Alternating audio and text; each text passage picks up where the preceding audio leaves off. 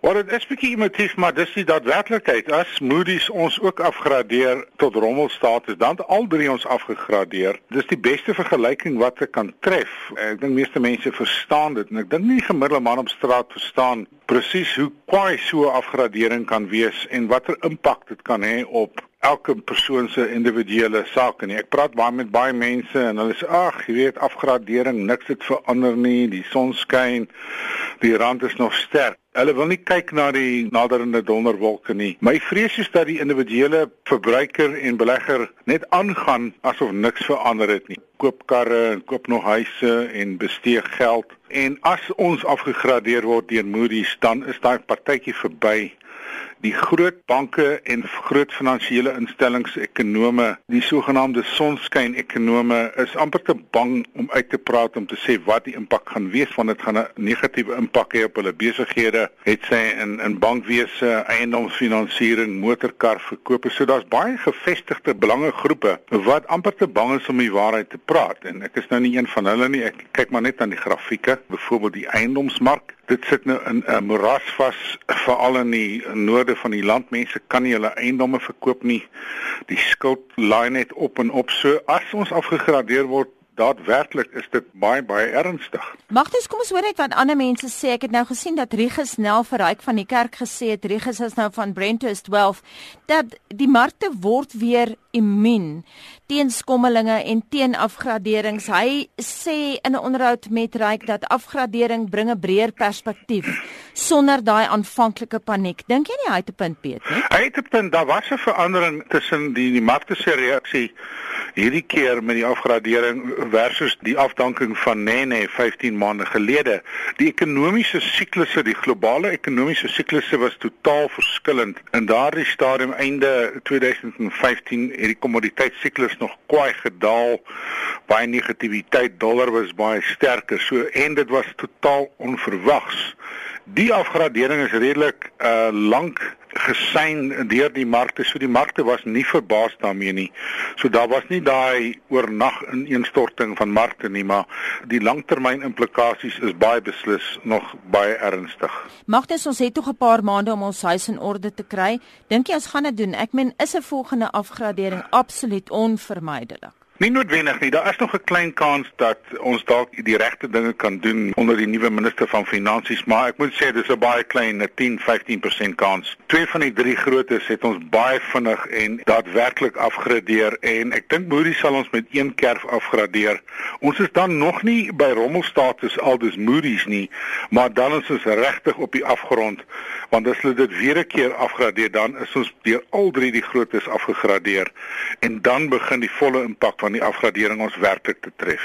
Magnus, jy sê ook as jy spaargeld het, wil jy dit oor see en offshore. Kyk, die buitelandse opbrengste gee vir ons al geruime tyd is baie beter as die plaaslike opbrengste. Omdat ons plaaslike ekonomie so swak is, moet 'n mens diversifiseer en op ander plekke gaan opbrengste soek. Dit verander nie, maar wat ek vir die gemiddelde man op straat sê, bou jou kontantreserwes op in terme van net eenvoudig kontant in die bank dat jy 'n noodfonds het en stel jou aftreeplanne uit want die afgelope 3-4 jaar het jou markte glad nie gestyg nie. So meeste mense, sou ek sê, is tans onderbefonds vir hulle aftrede. So die beste advies sou wees om dit langer uit te stel. Jy praat ook van sogenaamde ego assets. Raak ontslaaf van huise by die see, tweede huise, bote, daai soort van ding. Daai leefstyl is verby. Absoluut. Baie mense sit met dooie kapitaal en dan praat jy met hulle oor bote en erwe en en goederes by die see wat geen opbrengs lewer nie. Dis 'n geweldige uitgawe en dan rasionaliseer mense deur te sê ja, jy weet ons geniet dit so baie daarby, maar dit kos hulle baie geld en die koste daarvan, die geleentheidskoste daarvan gaan ook nou kwai styg. En raak net ontslae daarvan. Ek dink nie die prys van daai goederes gaan enigsins styg in die nabye toekoms nie. Jy het nou vroeër gesê ons sukkel in terme van eie eiendomme byvoorbeeld in die noorde van Suid-Afrika en dan weet ek een van die stukkies raad wat jy wel gee is as jy eiendom moet koop, koop dit in die Wes-Kaap. Hoekom? Daar's 'n demografiese dividend in die Wes-Kaap en die getal mense wat Kaap toe trek vir verskeie redes en dit is 'n gewellige stiekrag van die eiendomsmark in die Wes-Kaap. As jy die Wes-Kaap uithaal uit die globale eiendomsmark vir, vir hele Suid-Afrika, dan is eiendomme, residensiële eiendomme besig om daadwerklik op baie plekke in die land vinnig te val. En in sommige dorpe en kleiner stede, sekere gebiede amper onverkoopbaar. Daar is nie meer kopers vir daardie eiendomme nie. So uh, daai neiging is baie beslis al lank aan die kom. So mense moet baie baie versigtig wees waar jy sogenaamde beleggingseiendomme koop. Dis die mening van die beleggingsstrateeg Magnus Huystek en hy het met Anita gepraat. Ons bly by die ekonomiese skets wat Magnus Huystek nou vir ons geteken het en ons praat met twee ander finansiële kenners, Amelia Morgenrood, portefeuljebestuurder by PSG. Goeiemôre Amelia en welkom. Goeiemôre Anita, baie dankie. En dan praat ons ook met Ryk van die Kerk, soos Magnus betrokke by Moneyweb en ook die aanbieder van Sondeaande se Finfokus.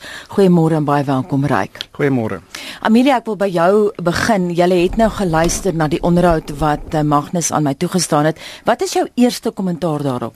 My eerste kommentaar Anita is dat hoewel dit baie dramaties klink en hoewel dit 'n mens eintlik skok, moet jy tog na die waarheid agter dit kyk en dit is dat dit is bewys deur die geskiedenis in baie lande dat die kroniese wanbestuur van finansies lei uiteindelik tot 'n ineenstorting van 'n ekonomie. Dit is net hoe dit is. Jy kan gaan kyk, daar's baie voorbeelde daarvan. Jy kan die beste land in die wêreld hê, jy kan die beste talent hê, jy kan die beste mense hê, die beste hulpbronne, maar as die finansies kronies wanbestuur word oor 'n lang periode, dan gebeur dit daar's daar's 'n baie goeie voorbeeld daarvan in die onlangse verlede is byvoorbeeld 'n uh, eh, land soos Argentinië. Uh, oor 'n periode van sê maar 40 jaar, 45 jaar is die finansies van die staat, dit was 'n baie ryk land gewees. Ehm um, is daardie finansies wanbestuur en dit uiteindelik gelei tot ehm um, reuse staatsskuld. Dis waar jou probleem inkom. As daai staatsskuld van jou opblaas, lei dit tot inflasie tot 'n verswakkende geldeenheid en die oomblik as jy 'n probleem het met inflasie wat in 'n spiraal gaan is daar byna geen keer meer nie. Ryk.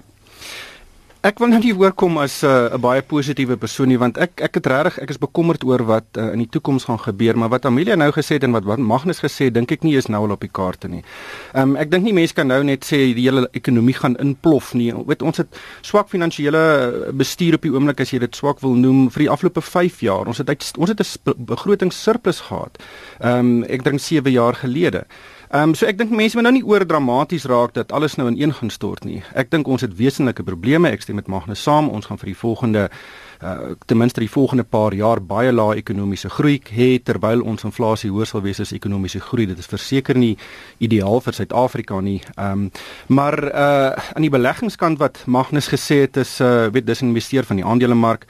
Ek stem ook nie daarmee saam nie. Um, ek dink dat uh, ons aandelemark is uh, taamlik uh, robuust. Hy's baie gekoppel aan buitelandse markte. Meeste van die maatskappye, die groot maatskappye, verdien die meerderheid van hulle inkomste en winste in die buiteland. So as daar dan uh uh weet 'n devaluasie van die rand is, hmm. behoort jy dan nog daar verskans te wees ook. Jy loop dalk gevaar om deur Magnus 'n sonskyn ekonom genoem te word. Ryk. jy weet hy bou sy argumente hoofsaaklik op die feit dat ons afgegradeer is tot rommelstaters deur twee graderingsagentskappe en die verwagting dat Moody's dieselfde sal doen.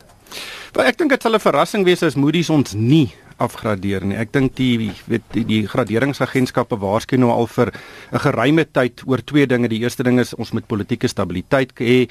Ons het dit verseker nie en hulle sê ook ons moet ekonomiese groei hê. Nou ons ekonomiese groei op die oomblik is uh, onder 1%. Ek dink nie of ons vir jaar verby uh, 1% gaan Dal. wees nie as ons uh, maar dit gaan dit gaan net net positief wees. Ja. Uh, dit is plus minus wat ons gaan kry. So daar is nog ekonomiese groei. Ehm um, en, en en weer eens ek is nie 'n sonskyn persoon nie, maar beskou myself 'n bietjie meer as 'n realist. Ehm um, weet dinge gaan sleg, hmm. dinge gaan uh weet nie soos dit kan gaan nie, maar dinge gaan nie ineenstort nie. En dit is interessant reik dat die woord wat jy nou gebruik om jouself te beskryf, realis is presies die woord wat hy steek gebruik het om homself gister aan my te beskryf in die onderhoud.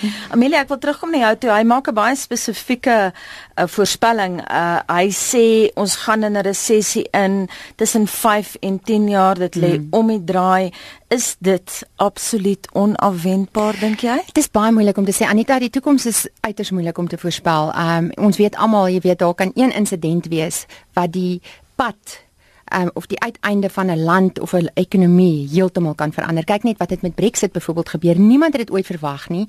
Ehm um, daardie land is op sy kop gedraai. Brittanje slaan heeltemal 'n ander rigting in as wat hulle altyd ge gehad het. Hulle geldeenheid het basies in duie gestort ehm um, oornag. Jy kan dit so noem. So enigiets kan gebeur wat wat wat die pad heeltemal verander. Maar soos wat dit nou staan, spandeer Suid-Afrika meer geld as wat hy inkry met belasting. En ons weet almal waar ons hierso sit dat die belasting wat ons hier in Suid-Afrika betaal is al reeds baie hoog in vergelyking met wêreldstandaarde. En dit wat ons terugkry daarvoor is baie min.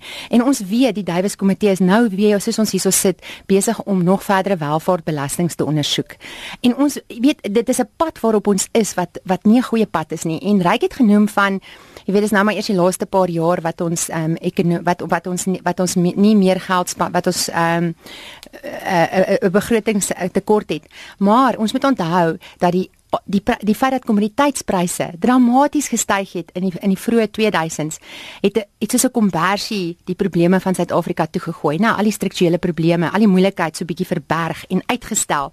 En hierdie pad wat ons nou op is, daar kan ook goed gebeur wat dit verder uitstel. So ons weet nie as ons op hierdie pad bly van kroniese wanbestuur, dan kan dit 10 jaar, 20 jaar, 30 jaar so aangaan. Ons weet nie dit hang af wat alles gebeur in daai periode om dit te verbloem en of dit vir Suid-Afrika moontlik is of daar die politieke wil is om 'n basiese u-draai te maak en en en dinge reg te maak. Maar ek weet nie ek weet nie of die korrupsie nie alreeds so wyd versprei is dat dit gaan nie help om net een kop van die monster af te kap nie. Magnus verwys natuurlik ook spesifiek na die verbruiker se se se optrede. Hy sê mense koop karre en gaan te kere. Hy noem dit ego toys, seker ego besittings. Waarom gaan finansieringsagentskappe of of maatskappye voort om hierdie goed te finansier as dit dan nou so 'n slegte prentjie is wat jy skets oor die ekonomie nou en voor. Wel, ek kan vir jou sê dat dat dit ook 'n um, 'n tendens is wat besig is om af te neem. Verbruikersvertroue in Suid-Afrika is is is is in die um, is konstant aan die afneem. Ehm um, so ook besigheidsvertroue, vaste uh, investering in Suid-Afrika die laaste jaar, dit is negatief konstant. Ehm um, daar's regtig struktureel is daar probleme in Suid-Afrika wat dit betref, maar ek dink ook, jy weet 'n mens 'n mens is van nature ehm um, positief altyd. Jy wil altyd glo dat daar 'n op uh, uitkoms gaan wees. Jy wil glo dat dinge beter kan gaan. Onthou as jy op 'n mespunt, dit kan enige kant toe gaan. So jy kan dit sien asof baie ne of negatief of jy gaan die positiewe daarin sien en glo dat ehm um, dat daar politieke veranderinge gaan kom en dit is moontlik. Ek bedoel daar het ons nou gehoor oor die naweek ehm um, van Cyril Cyril Ramaphosa wat opgestaan het en uiteindelik ook ehm um, sy stem dik gemaak het. So daar is altyd die moontlikheid. Maar soos ek vir jou sê, as jy net gaan kyk na die syfers op wit en swart, dan is dit nie 'n mooi prentjie as dit kom by die spandering in Suid-Afrika van van staatsgeld nie. As jy pas by ons aangesluit het, ons praat ver oggend met Amelia Morgenrood, portefeuljebestuurder by PSG en Ryk van Niekerk, hy is betrokke by Moneyweb en ook aanbieder van sondeaande se Finfokus. Ek wil terugkom na spesifieke goed wat Magnus in die onderhoud gesê het. Hy het gepraat van dooie kapitaal ryk wat die geleentheidskoste daaraan verbonde nie werd is nie Hy het gesê raak ontslaaf van daai huisie by die see. Dit bring nie vir jou inkomste in nie. Hoe voel jy daaroor? Wel, jy weet Magnus is taamlik bekend daarvoor dat hy nie hou van die vaste eiendomsmark nie en hy het dit al vir jare gesê, maar dis maar hy's reg. As jy baie mense sien eiendom as 'n eh, baie die enigste belegging wat jy moet hê, maar as jy die somme gaan maak en presies wat jou opbrengste daaruit is, is dis dit 'n uh, is dit baie keer baie minder as wat jy elders sou kry teen minder risiko. Weet strandhuise dink ek is 'n is 'n groot voorbeeld daarvan. Ehm um, dit is baie baie duur en jy kry baie min inkomste daaruit. En as jy enigstens finansiële druk voel, ehm um, verkoop die ding. Ehm um, en uh baie keer wat jy nou sien is uh mense kry nie daai eise verkoop nie, daai goed het uitgawes en dit uh, plaas baie druk op jou finansiële posisie. Ehm um, en dit is waarvan aan afkom. Hy sê maak jou gereed vir 'n moeilike ekonomiese tyd oor die volgende paar jaar en ek stem daarmee saam. Hy sê ook Amelia dat jy maar as jy geld het, dit in die buiteland moet gaan belê en dat jy het geklink of jy saamstem daarmee. ek is 'n voorstander daarvan. Ek gaan nie jok nie en suiwer nie net omdat ek bang is vir die toekoms nie.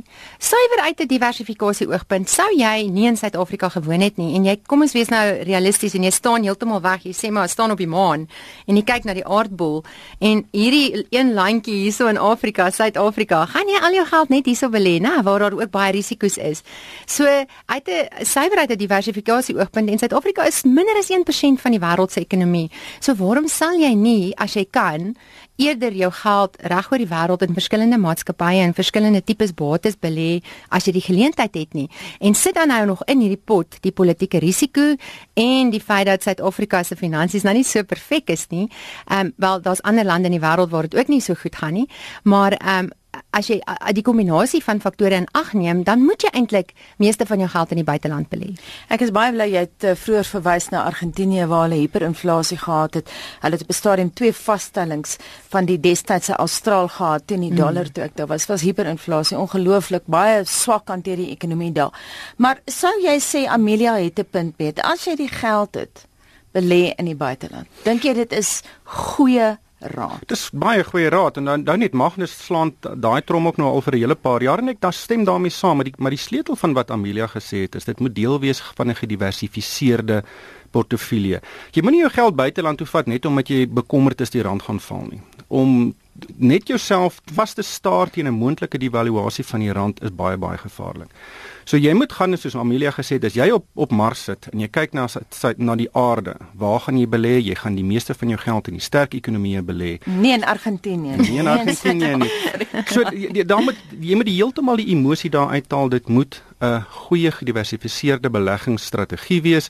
Um nie moenie net fokus op die rand wat kan val nie. En kyk wat het nou gebeur met die jongste kabinetskommeling. Die rand het verswak, maar het weer versterk. In, in elk geval hy's in elk geval nou sterker as wat hy was voor 'n vorige krisis. Om die rand se te voorspel is baie baie gevaarlik en ook baie baie moeilik.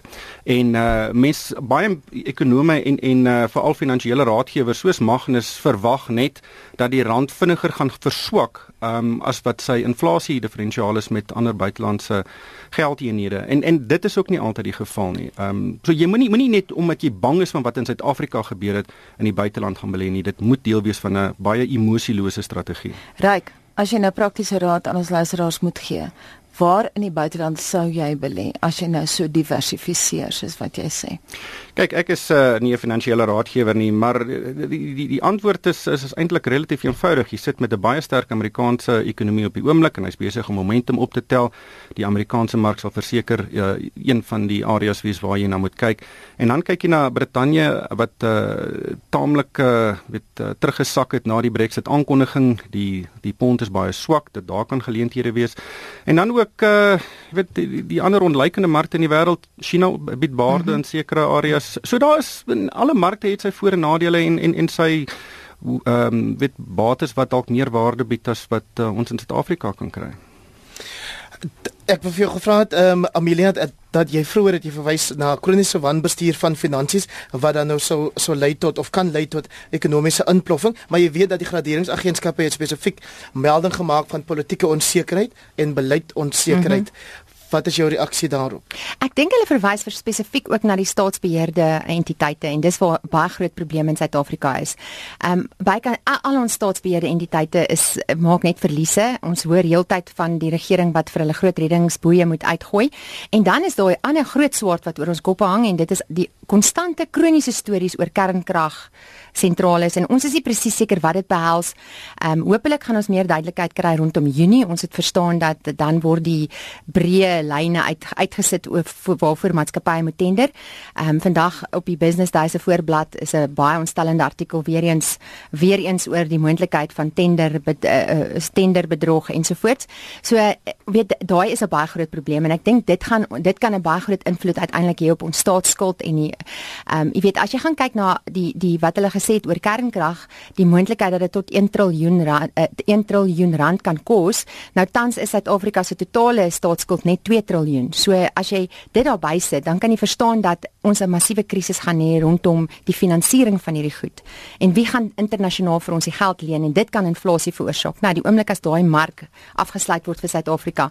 Ja, so ek dink, jy weet tans is die rand baie sterk, maar ek dink dit is 'n is 'n ongewone situasie waarin ons is wat buitelandse geld nog steeds hier invloei.